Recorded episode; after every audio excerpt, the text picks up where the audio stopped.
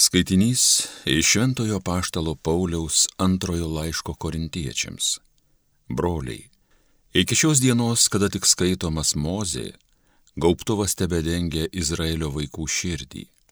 Bet vos tik žmogus atsigręžia į Dievą, gaubtuvas nukrinta. Viešpats yra dvasia, o kur viešpaties dvasia, ten ir laisvė. Mes visi, Atidengtų veidų viešpatie šlovę atspindėdami, daromės panašus į jo atvaizdą ir vis augame garbingumu viešpaties dvasios veikiami.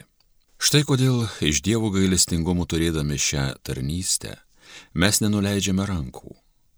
Jeigu mūsų evangelija tebėra paslėpta, tai paslėpta vien tik einantiems į pražūtį, netikintiesiems, kuriems šio pasaulio dievaitis apakino protus kad jie neišvystų Kristaus šlovės Evangelijos šviesos, ogi Kristus yra Dievo atvaizdas.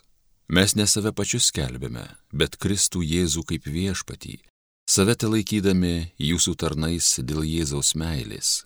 Pats Dievas, kuris yra taręs, iš tamsos ten nušvinta šviesa, sušvito mūsų širdyse, kad pažintume Dievo šlovę, spindinčią Kristaus veidę. Tai Dievo žodis.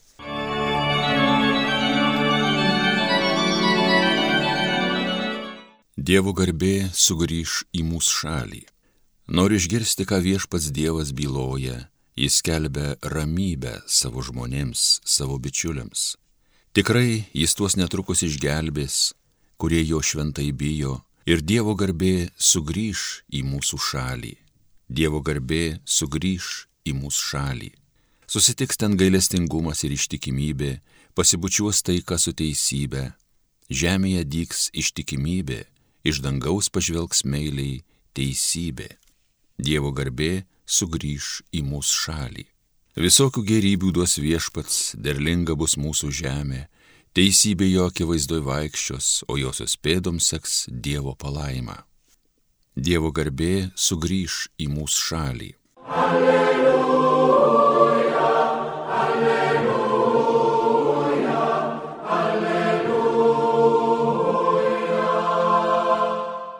Aš jums duodu naują įsakymą, sako viešpats, kad jūs vienas kitą mylėtumėte, kaip aš jūs mylėjau. Alleluja, alleluja, alleluja.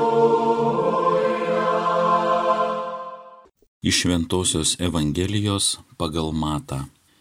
Jėzus bylojo savo mokiniams Jeigu jūsų teisumas nebus tikresnis už rašto aiškintojų ir fariziejų teisumą, jūs neįeisite į dangaus karalystę.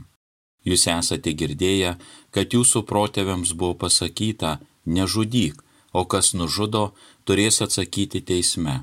O aš jums sakau, jei kas pyksta ant savo brolio, turi atsakyti teisme. Kas sako savo broliui pusgalvi, turės stoti prieš aukščiausiojo teismo tarybą o kas sako kvaily, tas merktinas į pragaro ugnį.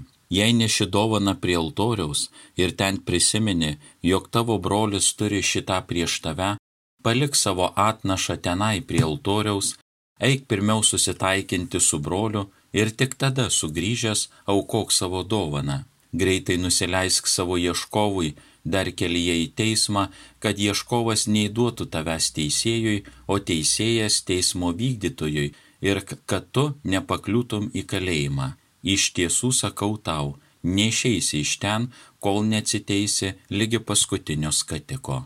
Tai viešpatie žodis.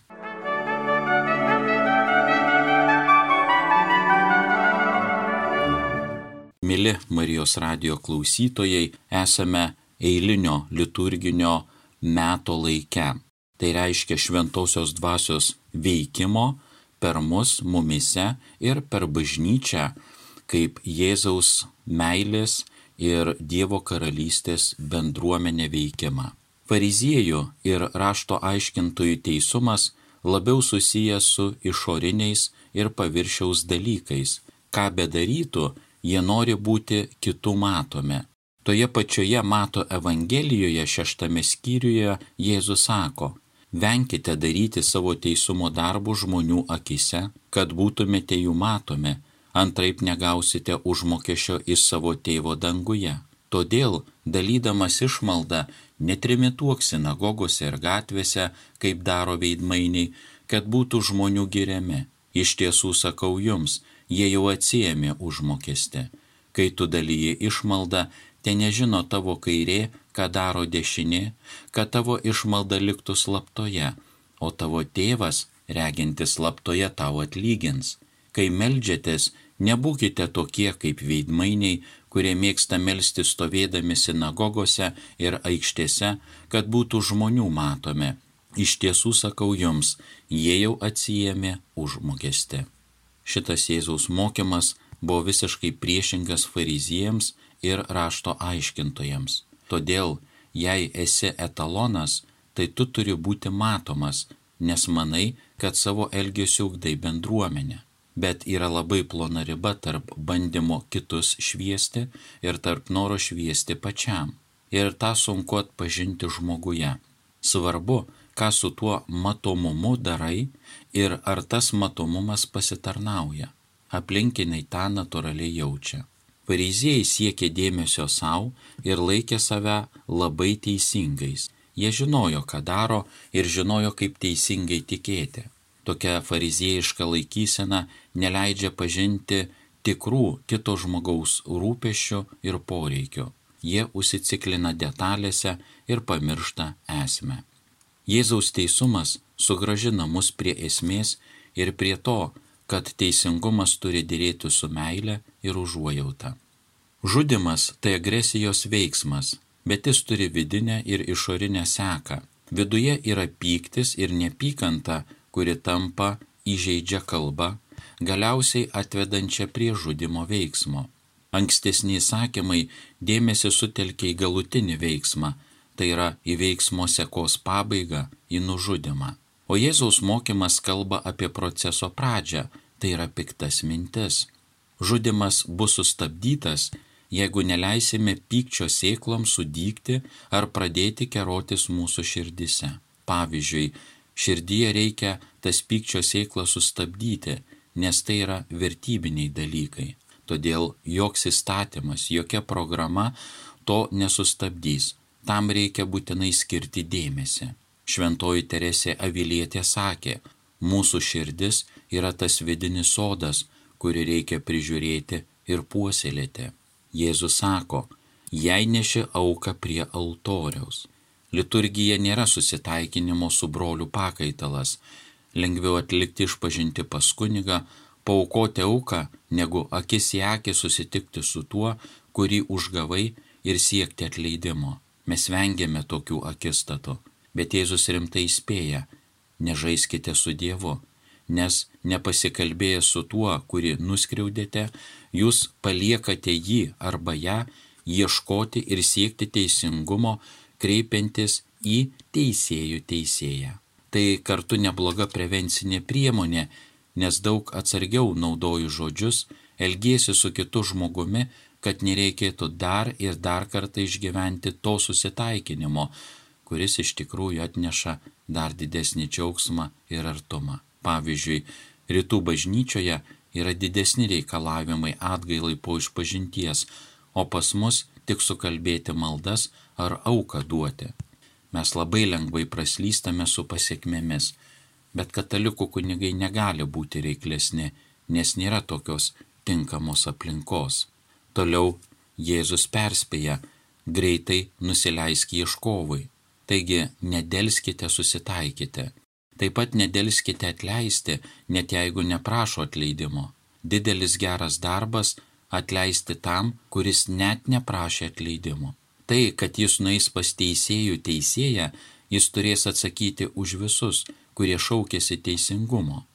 Aš nebūsiu tas kreditorius, kuris reikalausiu jam bausmės ir tai man bus įskaityta teisumo. Tai savotiška prevencinė priemonė ir kitam geriau padarau ir savo geriau padarau, nes tikriausiai yra ir manyje kalčių, už kurias aš neatsiprašiau ir žmonės nešioja nuoskaudas, o gal ir užmiršęs esu. Bet jeigu aš atleidau kažkam kitam neatsiprašiusiam, tai man bus suskaityta už kažkokius neatsiprašymus ir neatsiteisimus. Kyla klausimas, Kai nustoja kalbėtis du susipykę žmonės, tai kuris pirmas turi užvesti kalbą? Tas, kuriam duota suprasti tuo metu, to kalba yra svarbi. Nes kitam tuo metu neduota suprasti. Bet jeigu aš suprantu, kad yra nepatogi tyla ir nėra aišku, kas nutraukė tą paskutinį pokalbį, bet jeigu suprantu, kad žmonių ryšys ir bendravimas yra svarbu, tai aš jį vėl kažkaip atgaivinu aš vėl prie jo grįžtu, o atsilieps ar neatsilieps, tai jau kitas dalykas. Ir gali būti, kad nesulauksiu atsakymo. Tai reikalingas dėmesingumas, budrumas ir būdėjimas. Pasirodo, neskriaudžiantieji ar skriaudžiamieji yra svarbiausi tame reikale, bet tai, ką mes su tuo darome, ką darome su skriauda, kurią patyrėme, arba su skriauda, kurią padarėme kitam. Tai yra mūsų asmeninė atsakomybė. Taigi, koks yra tas kitoks teisumas, apie kurį kalba Jėzus? Atsakymas ateina su nauju paaiškinimu, o kas yra nuodėmė. Ji prasideda žmogaus širdyje, tačiau ji negimsta tamsiuose akligatviuose, bet įgimsta tamsioje vaizduotėje.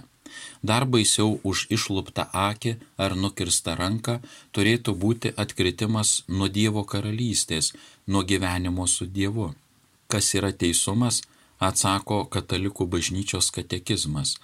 Dievas sukūrė žmogų, kuris buvo ir šventas, ir teisus. Ir tai buvo pirma pradė būsena, kuriai žmogus buvo pašauktas ir sukurtas. Pirma pradės teisumas tai visapusiška darna, vidinė, tarpusavyje vyro ir moters, bei su aplinka, kurioje gyvenu. Ir nuodėmė pažeidė šitą darną.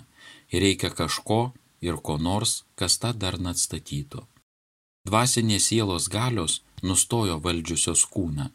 Iš prigimtinės nuodėmės, iš šitos būklės mus išvaduoja krikštas, tai yra perkeičia mūsų prigimti, kad dvasinės sielos galios turi vadovauti kūnui, o ne kūnas vadovauti dvasiai. Bet kad dvasinės mūsų sielos galios galėtų vadovauti mūsų kūnui, jos turi būti tinkamai informuotos per protą. Todėl Dievas ateina mumise per žodį. Jeigu mes tinkamai mąstysime ir mūsų minties bei širdies mintis sutaps, tuomet mes atitinkamai elgsimės. Mūsų mintis vairuoja mūsų elgseną. Bet jeigu mintis nėra integruotos į Dievo žodžio išminti, jeigu mintis integruojamos į pigius skaitalus, tai ir elgsena bus atitinkama. Ir tuomet tai, kas atsitiko krikšte, neveiks. Galimybė yra suteikta, bet ji neveikia, nes jai trūksta Dievo žodžio pagalbos. Jėzus žino, kad be jo pagalbos teisumas nepasiekiamas, todėl jis ateina mums į pagalbą per savo žodį ir per savo sakramentus. Amen.